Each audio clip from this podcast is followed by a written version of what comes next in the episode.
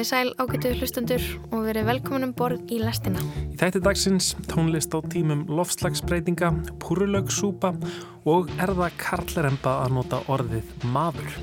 Huga málnótenda, þá er þetta orð mjög tengt köllum og það leiðir til þess að konum og, og kynsegin fólki, fólki sem ekki er kallar, því finnst ofta að, að hérna, það sé eh, ekki vísa til þess þegar þetta orðið er notað.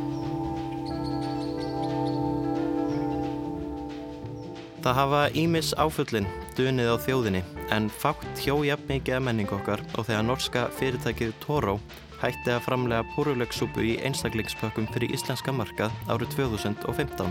Ég heiti Lóabjörg Björnstóttir. Ég heiti Kristján Guðjónsson og þetta er Lestinn þriðudaginn 18. oktober.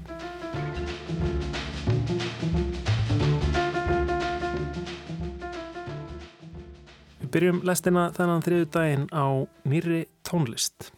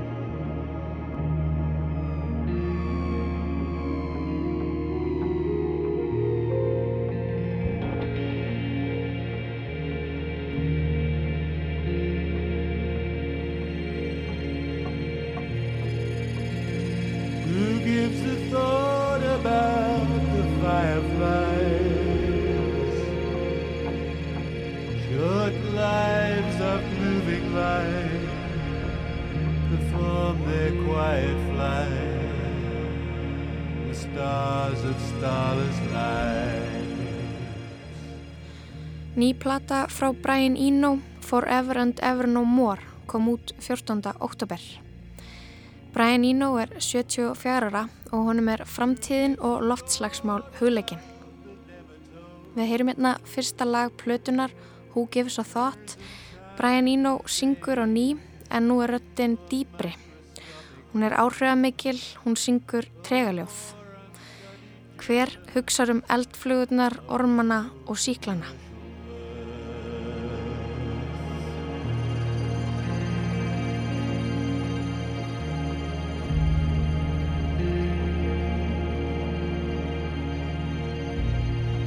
Gives a thought about the laborers, the ones who dig and hoe, who weld and reap and sow, who braid and cut and grind. Fættur í Breitlandi 1948, tónlistamæður, tónskáld, upptökustjóri og myndlistamæður, Eno er þekktastur fyrir framlagsitt til ambient tónlistar en líka til pops, rocks og elektróniskrar tónlistar. Hann er faðir ambient tónlistar, Eno þandi út listformið vikaði skilgreiningarnar, notaði umhverjusljóð og þögnina. Aðdáðandur hans eru meirinn aðdáðandur, hann á sér fylgismenn, hann á sér digga fylgismenn. Það er óhætt að fullir það að hann hafi breytt samtíma tónlist með nálgunsinni og óhefbundnum upptöku aðferðum. Hann er áhrifavaldur og frumkvöðl þó þessi orð hafi í daglegu tali mist merkingu sinna þá eigaðu við um hann og því er það stórviðbyrður þegar hann gefur út tónlist.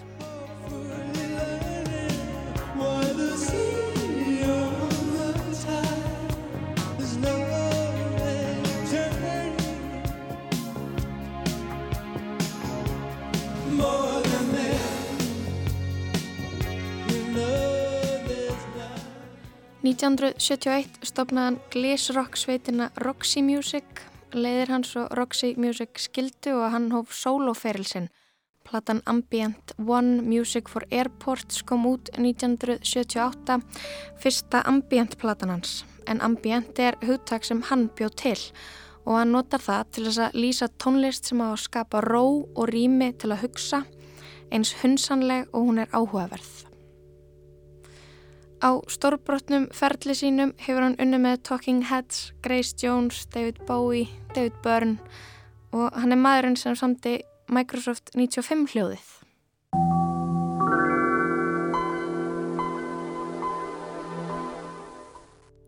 Brian Eno er pólitískur. Hann er myndlistamæður. Verkið hans Long Now Foundation á að fá okkur til að hugsa um tíman. Það er klukka í fjalli sem á að tefa næstu 10.000 árin. Og honum er tímin hugleikin á nýju plötunni. Verðum við hér eftir 10.000 ár mun klukkan ennþá slá.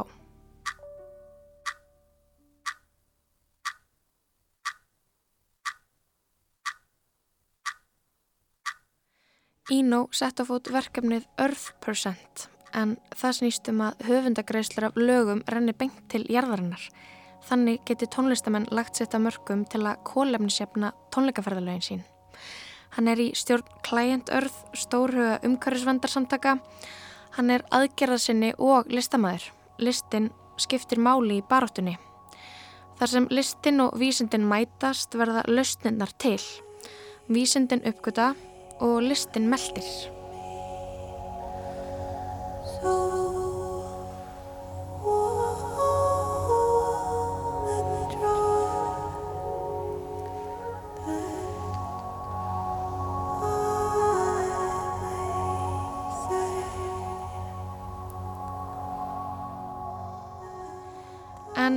Heimurinn brennur áfram og hans 20. og önnur plata ber titilinn Forever and Ever No More um aldur og æfi ei meir geti það útlagst á íslensku. Þessi nýja plata er tilfinningaþrungin, hugleðing, vangavelta um náttúruhamfarir. Þetta er allt um leikjandi hljóðheimur en hann er þrungin sorg og þrá. Þetta er tregaljóð.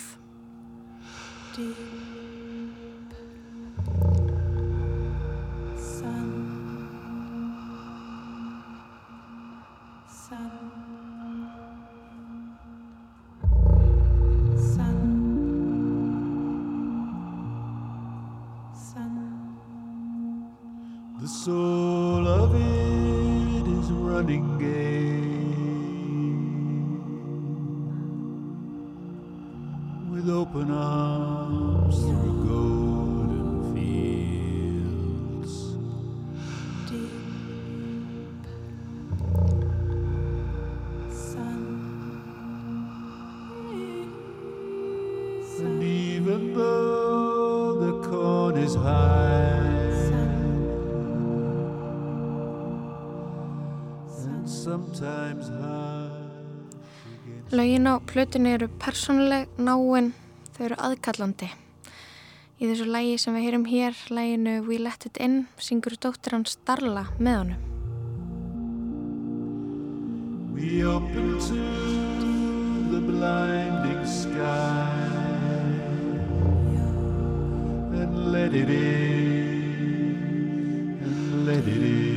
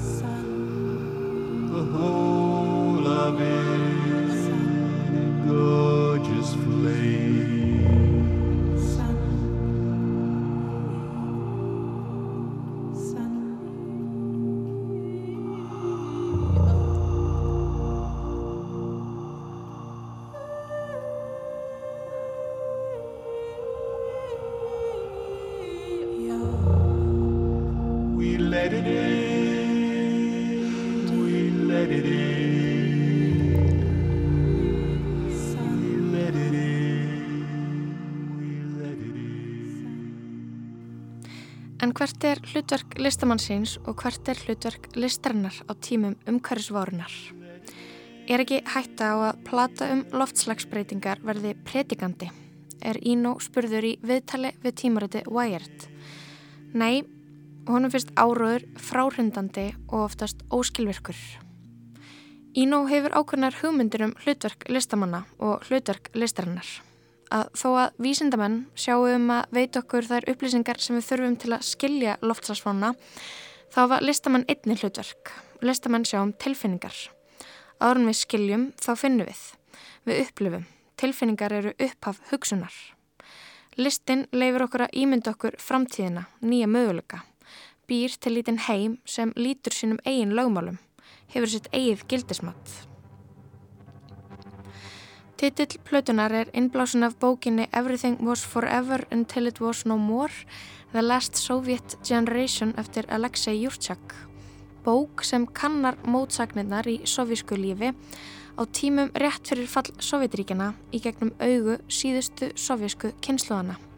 Hvernig mótsagninnar voru grundvöldur að sovísku lífi. Það var eilíft og staðnað, lífanlegt og veikt, vonlust og fullt af von allt í senn. Og hvernig hrun sovíska lífsins var bæði óhugsandi og óumflíjanlegt. Titill plötunar eru því líka skilabóð plötunar. Samfélagið er í raun tilbúið fyrir breytingar samkvæmt ínó að minnstakosti. Því rétt eins og þegar Sovjetríkin fjall á einni nóttu þá er allir tilbúinir fyrir breytingar. Íbúar Sovjetríkina hafðu lært að vinna í kringum kerfið á tímum stöðnunar heldu lífinu gangandi og þegar kerfið kvarf heldu allir áfram og það varð af að lítið kás. Titillin Forever and Ever No More gæti hljómað eins og örlaðadómur en undirleikandi skilabóð plötunar eru full vonar. Hlutinni geta breyst og þegar þeir breytast þá verður við tilbúin. Lagi Garden of Stars, þetta er fjörða lag plötunar. Einhvern veginn svona get ég ímynda mér að heimsendir hljómi. Brian Eno syngur þessum miljörðum ára mun ljúka, þeim mun ljúka í mér.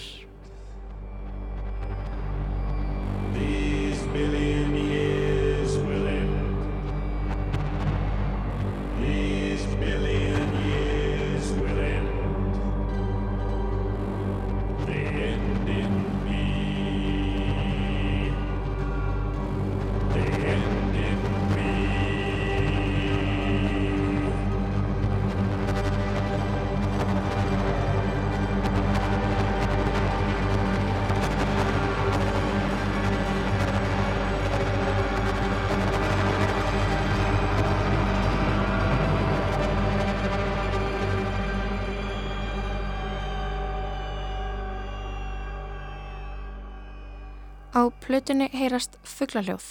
Þú heyrir annarkvort í gulltilling afar fágetum fuggli eða gerfi fugglaljóð sem Ínó skapaði með hljóðgerflum. Gerfi fugglaljóðin á plötunni fá hlustandan til að hugsa um framtíð án fuggla þar sem einu fugglaljóðin sem við heyrum eru framkvöldið af tölvum.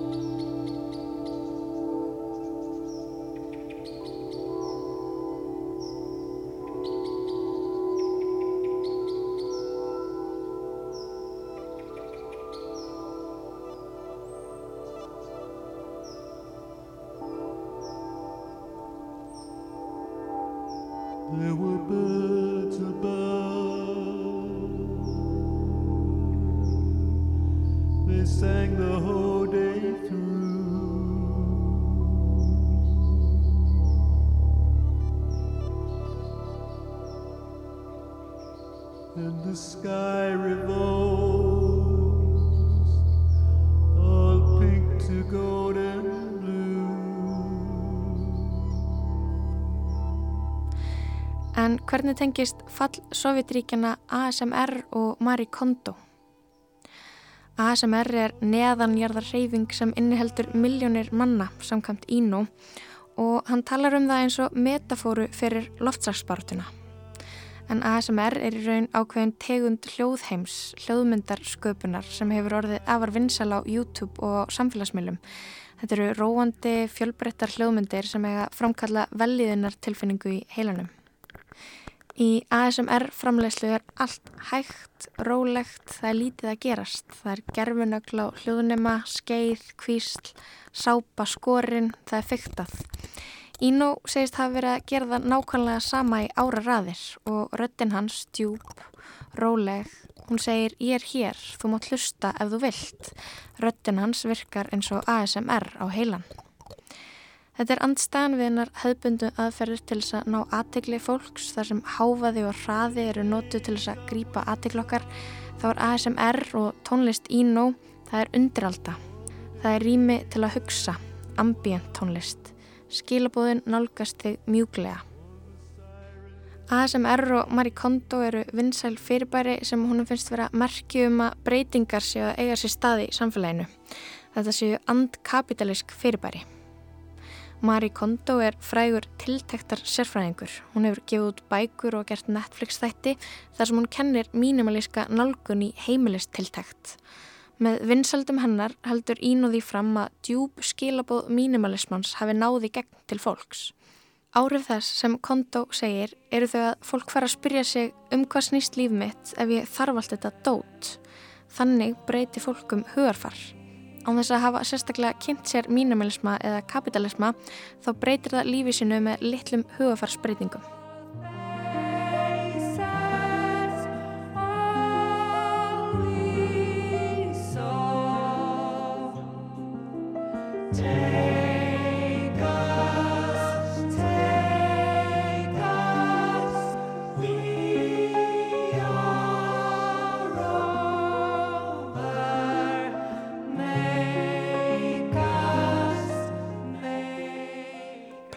Forever and Ever No More er ASMR, ambient, rólegt, aðkallandi.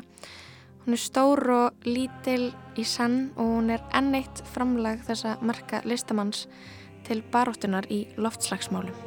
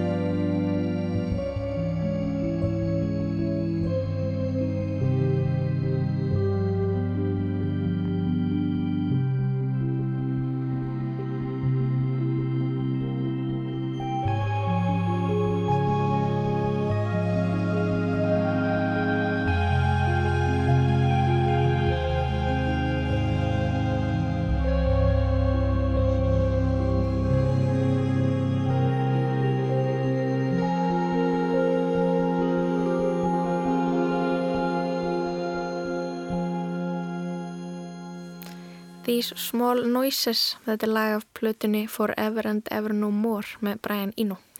En næstur til að grýpa í hljóðnumann í lestinni hérna á þriðutegi er Patrikur Björgvinsson. Hann heldur áfram að velta fyrir sér fyrirbærum sem eiga sérstakann stað í hjarta íslenskar alþýðu. Hefur fjallað um nafngiftir húsbíla, mikilvægi stemningstrúbadora sem leika á öldurhúsum landsins og nú er komið að matarmenningunni. Hann fjallar um myrka tíma í matarsögu þjóðarinnar. Allt er svo indarlegt án þín ég.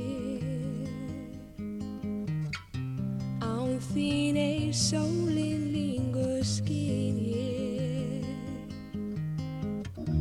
Alinn ég arka niður að sjó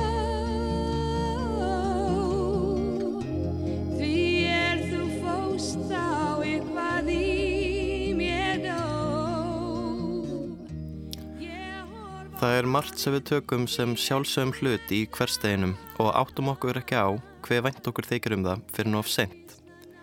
Í gegnum tíðina hafa vörur verið teknar af markaði eða breytt verulega sem voru taldar þarfa þing á mörgum heimilum. Þar má nefna seasonal, kryttið, kókópöfs, þykvabæjarfranskar og fleira. Oftast við mikil mótmæl við þeirra sem hafa neitt þessar að vara.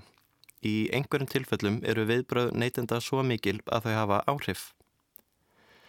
Ég mann það eins og það hafi gerst í gær þegar ég á sendur út í búð á einhverju föstudagskvöldinu fyrir rúmum sjö árum að kaupa í snakk og ídífu. Ætli fjölskyldan hafi ekki ætla að horfa á útsvar eins og önnur föstudagskvöld. Ég mann það ekki. Allt sem gerðist eftir búðaferðina er í móðu. Þetta var í einarsbúð, kjörbúð á Akarnesi sem seldi allt, eða svo held ég fram að þessum degi. Gjarnan þegar búðina bara góma mátti heyra einhvern segja söguna af manninum sem sagði að ef það fengist ekki í einarsbúð þá þyrtan það ekki. Ég hafði lifað lífinu haldandi að það veri heilagur sannleikur en þessi búðaferð breytti því. Ég kom inn og bauð góða kvöldið. Það var alveg að fara að loka. Ég greip mér körfu í snadri, arkaði fram hjá keksinu og morgunkorninu og helt ragleðis í átt að snakkinu. Blátt Doritos, tveir pokar og hann í rauða körfuna. Næst var förinni heitið inn gangin, fram hjá grænmitinu og brauðinu í áttað mjölkuvörunum. Á þessum tímapunkti leið mér vel og var spentur fyrir notalegri fjölskyldustund. Ég gerði mér setna grein fyrir að þetta var loknið á undan storminum. Einn dós sírðurjómi, 10%. Ég átti bara eftir að finna eina vöru, stjörnu kvöldsins, stjörnu allra föstudagskvölda fram að þessu.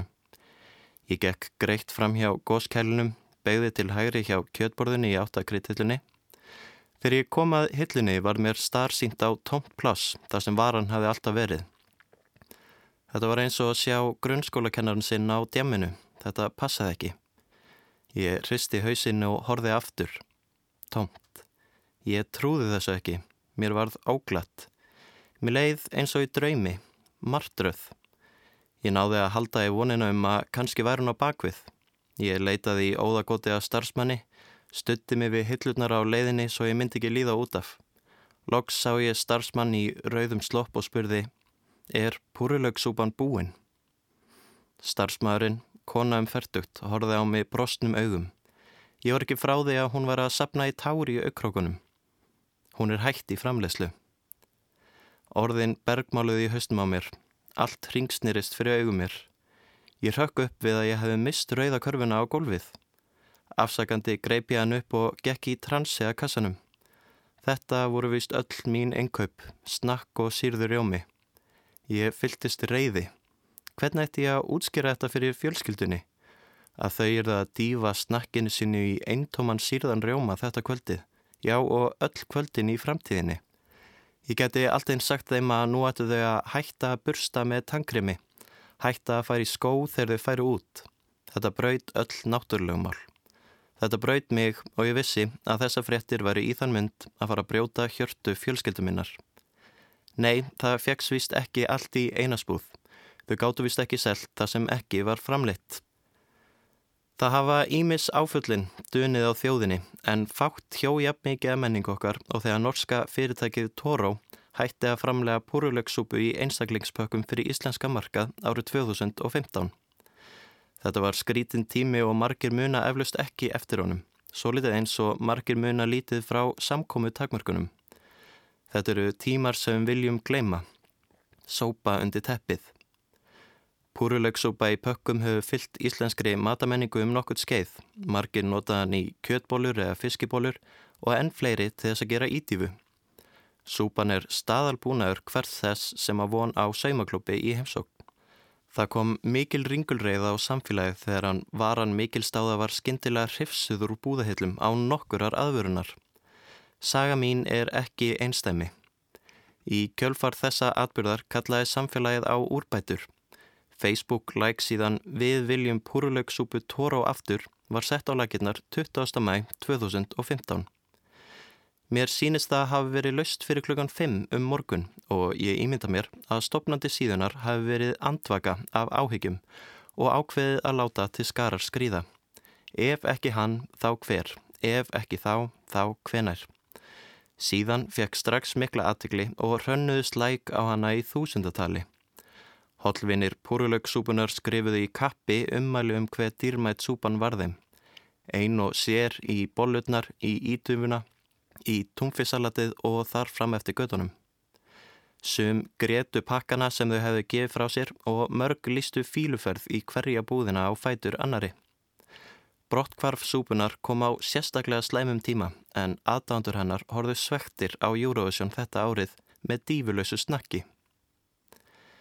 Þann 21. mæ 2015 byrti vísir greinina Ídífur og kjötbólur Íslendinga í uppnámi. Aðeins einum degi eftir að Læksian var búin til taldist hún fréttaefni og því er augljóst að umræðan var hávær. Í fréttinni kom fram að ef viðbröðin yrðu góð væri líklegt að framlegendur myndi hefja aftur framlegslu. Þetta vakti mikinn baráttumóð í landanum. Það var svo rúmum mánuði síðar, þann 9. júli eftir hávær mótmæli neytanda, að frétt byrtist á nútímanum undir fyrirsögninni fullnaðar segur íslenskra aðdánda púrulöksúpu Tóró hefur framlegslu á ný. Mikill fögnur braust út við þessi tíðindi á leiksíðinni á annað hundrað ummala fögnuðu segri. Við tók laung og erfið byggð eftir að varan sæist aftur í hyllum búða. Millibils ástandi var mörgum erfitt. Þeir sem eitthvað áttu eftir að súpunni fóru sparlega með hana og þeir sem enga áttu þurftu skömmustulega að bjóða gestum upp á púrulaugsúpu lausan mat. Það var síðan 4. desember 2015 að fólk að teki gleði sín á ný. Tannhjól matarmenningar á Íslandi fóru að snúast eftir rúma hálsárs stöðnun. Púrulaugsúpan var komin aftur í verslanir. Þessi atbyrður í íslenskri matarmenningu sínir hver sterk við erum í krafti fjöldans og á sama tíma hverfuleika lífsins og þess sem við tökum sem gefnu.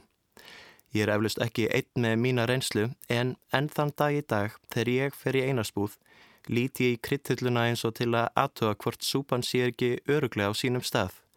Ég á alltaf til tvö bref eða vesta skildi skella á aftur.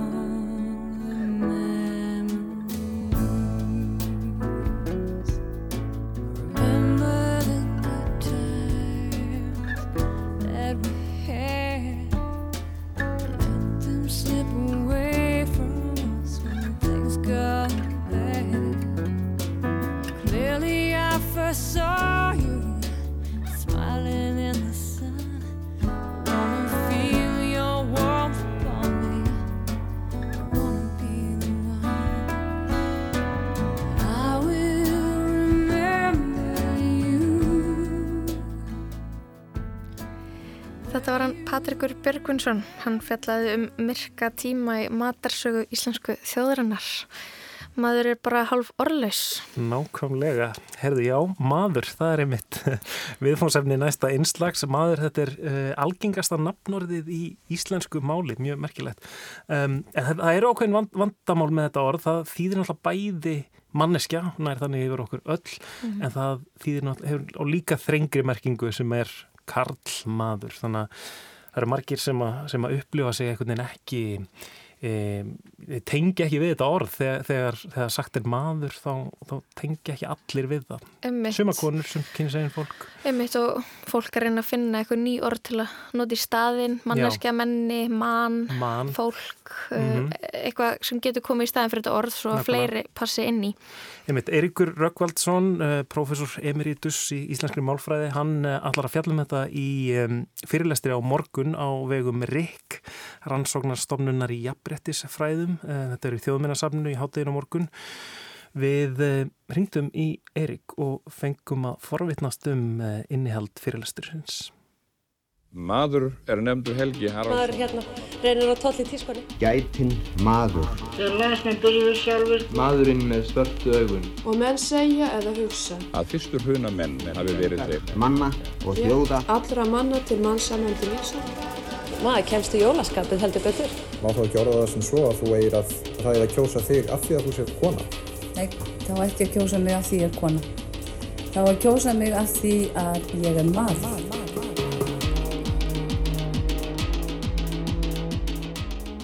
Eiríkur Raugvaldsson, professor emeritus í íslensku. Þú hefur talað um það að skoðanir þínar á, á þessum málum, á, á kynhlutlösu máli og, og hinn og þessu hafi hafi breyst svolítið þegar þú tókst þátt í að vera í domnemt eh, nýraðarsamkeppni samtakana 78 Er þetta ekki rétt skilja á mér? Já. Ég gerði það ég, eh, ég, ég var í þessari domnemt uh, 2015 og, og svo reyndar aftur í hérna 2020 í annari, annari keppni sem þannig ekki voru með en, en þarna 2015 þá uh, eða áður þá svona gaf ég búið lítið fyrir þessa umræðu um kallækni tungumálsins og, og annað slíkt og hérna saði sem svo, já, svona er tungumáli bara og, og uh, kallkynið er, hérna, hefur þessa stöðu sem svona hlutlust kyn við ymsar aðstæður af sögulegum ástæðum og það, það hérna, uh, táknar ekki neina kallrembu eða, eða neitt slíkt. En, eh, en svo sem sagt í þessari dómnefnd þá kynntist ég fólki sem hérna já hafði uh, fólki með alls konar kynneigðir og, og, og kynvitundir og uh, þá skipti ég um skoðun áttaði mig bara á því hvað var hvað þetta var mikilvægt fyrir fólk að geta notað eh, móðumáli, notað íslenskuna til þess að, að tala um sjálft sig og til þess að aðri getu talað um það með íslenskum orðum. Mm -hmm. og, og, og það eru þá svona uh, þessi hugtök til dæmis sem að, sem að þú nefnir í, í, í þessum fyrirlestri eins og maður og, og svo svona hérna uh, möguleika sem hægt er að nota kannski í staðin man, manneskja eða mann eða menni og og, og já, slík orð. Já, já, já, það er náttúrulega sko uh, orðin maður, þetta snýst nú aðalega um það, þessi fyrirlestur uh, sem er svo sem bara bara eitt þáttur í þessari umræðu um, um karlækning tungumálsins en, en já, hvað að taka þetta fyrir núna. Uh, þetta er erfitt orð vegna þess að, að það hefur þessar tvær meginmerkingar, það er að segja annars vegar er það tegundin, maður og, og uh, þetta notað almennt bara yfir uh, til þess að tákna fólk af hvaða kyni sem er. En, en svo he, er þetta orðið þetta líka uh, hérna, notaði merkingunni kallmaður þá í anstaða við kona, maður og kona og maðurinn minn og, og svo framvegis. Og, og það uh, hérna, veldur því að, að svona í, í huga málnótenda þá er þetta orð mjög tengt, tengt köllum og það leiði til þess að, að uh, konum og, og kynsegin fólki, fólki sem ekki er kallar, uh, því finnst ofta að, að hérna, það sé uh, ekki vísa til þess þegar þetta orðið er notað, þó, þó að þau sem að noti orðið séu kannski Sagt, að nota það í almennri merkingu vil ég láta ná til allra kynja þá er ekki, þá er ekki þar með sagt að að fólk skynja það þannig því að það er nefnilega uh, ekki alltaf samræmi milli ætlunar málnótandans og svo upplifunar áherandans eða lesandans. Mm, en uh, eins og þessi orð uh, ma manneskja, mann, menni um, af hverju gengur svona illa að taka upp ný orð til þess að tala um okkur öll sem hóp og, og, og fara frá þessu orði maður eða gengur það kannski bara vel? Nei, sko það, það gengur ekki mjög vel held ég og það eru ymsar ástæði fyrir því. Fyrsta alveg náttúrulega rétt að hafa í huga að maður sko, hefur eiginlega algjör að sérstöðu í íslenskum orðaforða. Þetta er langsamlega algengasta nafnorðið í, í málinu og það er notað í svo fjölbreyttu samhengi og, og við, við erum náttúrulega, við erum alin upp við uh, það að, að, að nota það þannig og það er, það er bara meirinn að segja það að alltaf fara að breyta málfæri sínu. En uh, þar er ekki þá svona má deila um það hversu, hversu heppilega þessi orð séu uh, vegna þess að, að manneskja til dæmis er sko augljóslega mjög, mjög tengt konum. Það er að segja að, að sko, ég hef verið að kannat alltaf í textum, textum á, á, hérna, á tímaritt.is og, og annar staðar e, notkunina og, og, hérna, og það kemur í ljós að, að það eru nánast, nánast engungu konur sem tala um sjálfa sig sem, sem mannesku Uh, ég var að skoða svona dæmi sko, eins, og, eins og hérna já, til dæmis uh, ég er ég er mikill eitthvað maður, ég er mikill kaffimaður, ég er mikill valsmaður eða eitthvað svoleiðis. Og, og, og þetta hérna þetta nota, nota kallar en, en, en konur segja uh, fyrst og fremst ég er mikill kaffi manneskja eða eitthvað slíkt og, og hérna það segja kallar aldrei kall, kallar, þið heyrið aldrei kallmann segja ég er mikil kaffi manneska Nei Þannig að, að, að, að hérna e, sko Ríksúttöp hefur náttúrulega gert þetta undanfæran ára að hérna það er hægt að tala um kjósa mann ársins og um, kjósa, hún er að tala um að kjósa manneski ársins. Og hérna en eins og segi það það er kannski ekki mjög heppilegt orð af því hvað það tengist, tengist konum mikið.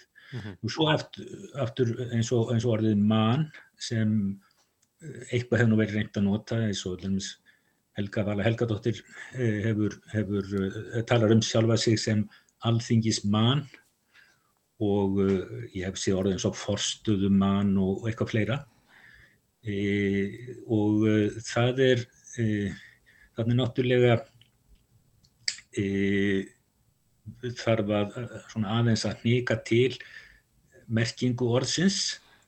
E, mann er náttúrulega til, til í málinu en, en, en svo annað sem að gerir það kannski e, svolítið snúðið í nótkun er að, er að það fellur saman í, í hérna aukaföllum þá, þá fellur þetta saman við maður. Þar að segja alþingismadur um alþingismann og svo alþingismann um alþingismann. Mm -hmm. það, það, það, er, það er, verður engin munur í framburði á þessu. Mm, já, þetta hljómar eins.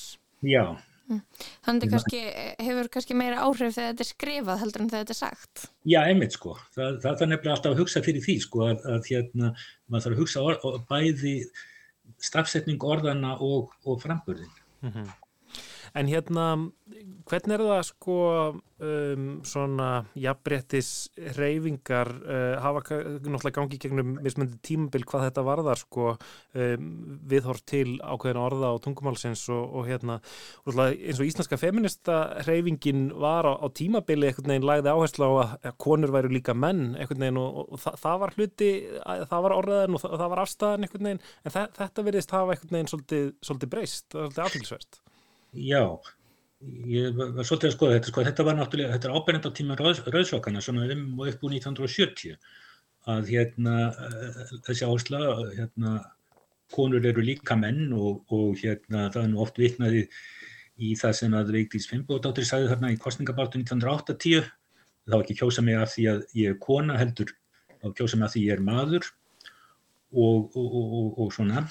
En e, það er e, eins og svona eftir á að higgja þá er, þá er spurning sko hversu skinsamlegt þetta var að leggja áherslu á þetta eh, vegna þess að, að sko, það kom í ljós að, eh, og náttúrulega já, var þannig að, að maður var sko, tengt kallmönnum í hugafóls.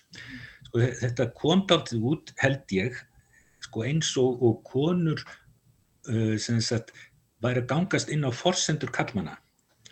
Uh, sagt, að, að hérna, þegar konur sögðu hérna ég er maður og, og konur eru líka menn að þá, þá var, var það eins og þær væru raun að vera að ganga inn í kalla heiminn og, og hérna og ef maður eh, svo hérna ef maður skoðar þetta hlumins, ég var að skoða hérna á, á uh, tímaritt.is dæmi um hérna setninguna ég er maður og, og það eru sko hátt í 750 dæmi um þetta frá hérna á, á, á tímætt.is og það eru eiginlega, það er eiginlega engin dæmi sem sagt frá konum.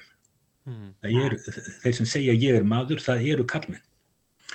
Og, uh, og svo sem sagt uh, gerðist það þegar uh, þarna, þegar kvenna frambóðu og setna kvennalistin komið til þarna á nýjönda áratögnum þá, þá fór fólk að, að hérna, eða baróttu konur fóru að endur skoða þetta og, og hérna, og þá fóru það að leggja áherslu á það að, að hérna, að vera konur. Eh, og sko þetta, þetta hérna, auðvitað er ekki með því verið að það sem, það sem hugmyndin á bakvið þetta að segja sko konur eru líka menn var auðvitað svo að konur ætti að vera að hafa jafna stöðu og, og kallmenn og auðvitað er ekki verið að bakka neitt með það. En það, það er hins vegar spurning sko hvort að uh, þessi krafa, sko konur væri líka menn, hvort að hún átti endilega ná til tungumálsins hvort að hérna uh, hvort að það var, var skynsalegt og það svona var svolítið endur skoða á þessum tíma mm. En er, er ekki alltaf erfitt að taka upp ný orða og breyta máltilfinningu okkar þegar að kannski pólitíkin eða, eða hugsunarháttur okkar breytist kannski hraðar heldur en orðin? Jú, jú, það er, það er náttúrulega mjög erfitt og það gengur ekki, það, það er mjög erfitt að gera það eitthvað svona ofanfrá sko, það, það gengur ekki nema á, á laungu tíma og ég er ekkert að, ég er ekkert að hérna tala fyrir því að, að það sé gert í sjálfu sér. En hins vegar Eh, sko finnst mér eh, hérna mjög eðlilegt að eh, konur og, og, og kynsegin fólk það gerir ofta aðtóðsendir við það hvernig orðið, hvernig orðið maður er, er, er notað. Og, og sko ég held svona tilfinning fólk, fólks fyrir þessu hafi svolítið breyst sko.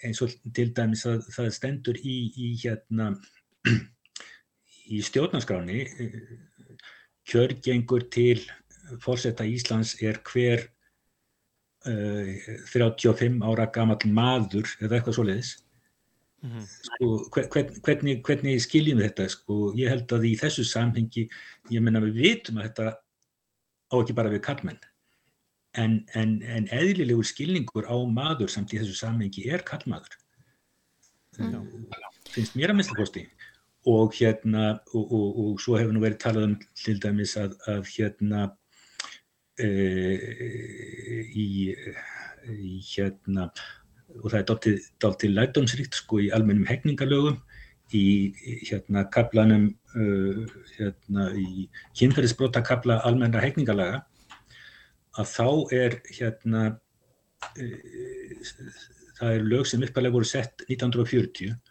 og þar var allstað að talað um kvennmann vegna þess að þá á þeim tíma dætt engum í huga að kallmenn gætu verið sko þólendur kynferðisbrota en hérna svo þegar uh, var verið að, að hérna endur skoða uh, lögin um, um 1990 uh, þá var lagt til, í frumöfnbyrjus þá var lagt fram að í staðin fyrir hvern maður kæmi orðið manneskja. Uh, en meiri hluti hérna, þegar nefnda sem fjallaðum á þingi vildi breyta þessu og, og, og sagði sagt, í íslensku máli tekur orðið maður bæði til kalla og hvenna og þykir ekki fara vel á því í lagatestan og orðið manneskja. Minni hlutin sem var fulltrúi hvernalistans uh, vildi aftur á móti halda sig við manneskja af því að, að, að minnulutin sagði, enda þótt orðið maður sé oft notað bæðum kall og konur er rík hefð fyrir því íslensku orðið maður eigi aðeins við um kallmenn. En sem sé, meirulutin réði þarna í þessu tilviki þannig að í hérna lögunum stendur núna til dæmis hver sem hefur samræði eða önnur kynferðismög við mann án samþykkis hans gerist segur um nöðgun og svo framvegis. Mm -hmm og, og, og það, það finnst mörgum að, að, að, að hérna, orðið maður eigi ekki alveg við þarna. Mm -hmm. En, en, en Eiríkur, getur við ekki bara farið hínaleðina og sem sagt uh, hætta að uh, tala um karla sem menn og tala bara um það sem karla?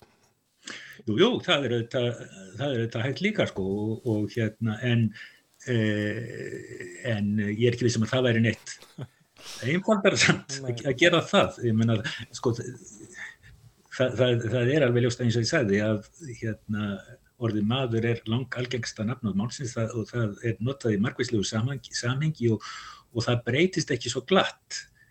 Og hérna þannig að, að, að mm -hmm. ég veit ekki hvað, hvað svo sem honi verður en, en hérna Sko, núna eru margir að svona, uh, einmitt að prófa sig áfram með lausnir við, við þessum vandamálum, reyna, reyna að, að þróa tungumáli áfram, prófa ný orð, um, einmitt fólk notar, notar orðin svo mann, jafnvel mm. þegar það er að, að tala um hérna, já, maður gerir hitt, maður gerir þetta, mann man gerir, gerir hitt og þetta. Um, hérna, sko, er einhver hætta á því að, að tungumálið verði einhvern veginn svona Eh, átaka vettvangur þar sem jafnvel sko fólk verður bara hérna útýst fyrir að, fyrir að tala á ákveðin hátt að, að nota ákveðin orð sem er einhvern veginn dottin úr tísku eða eitthvað svolítið að, að við einhvern veginn klopnum eftir einhvern veginn mál, málnótkun og tilfinningu? Í það getur auðvitað gerst en, en hérna uh, það, er, það, er, það er náttúrulega þannig sko að tungumálið er að við rosalega sko upplugt valdatæki og og, og þetta snýst auðvitað einhver leiti um sko, vald yfir tungumálinu. Það sem að, að sko, er að, hefur verið að gera stundafærið í, í, í þessu, á þessu sviði er að, að hérna, konur og, og kynsegin fólk vil ná einhver af því valdi sem kallar hafa yfir tungumálinu.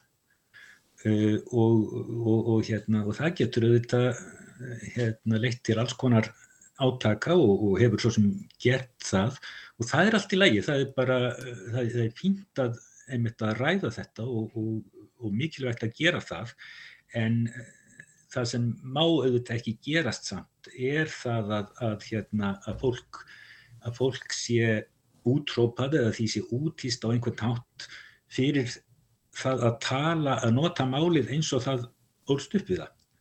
En sett að, að hérna, að ég hef, hef nú lagt áherslu á það að sko fólk sem að, að hérna uh, er eins og, eins og við, við erum verið sett flest upp, alin upp við ákveðna málótkun og, og hérna uh, svo eru er, er hópur sem að það eru hópar sem vilja, vilja breyta henni.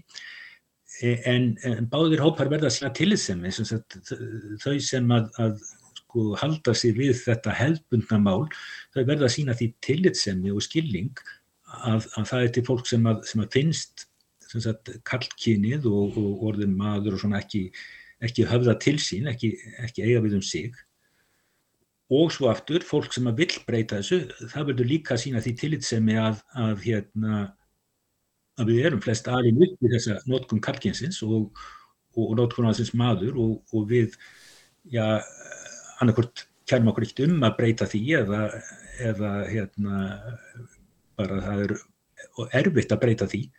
Þannig að á endan snýst þetta allt um sko, tillitsemi og, og virðingu fyrir öðru fólki og málnökkum þess.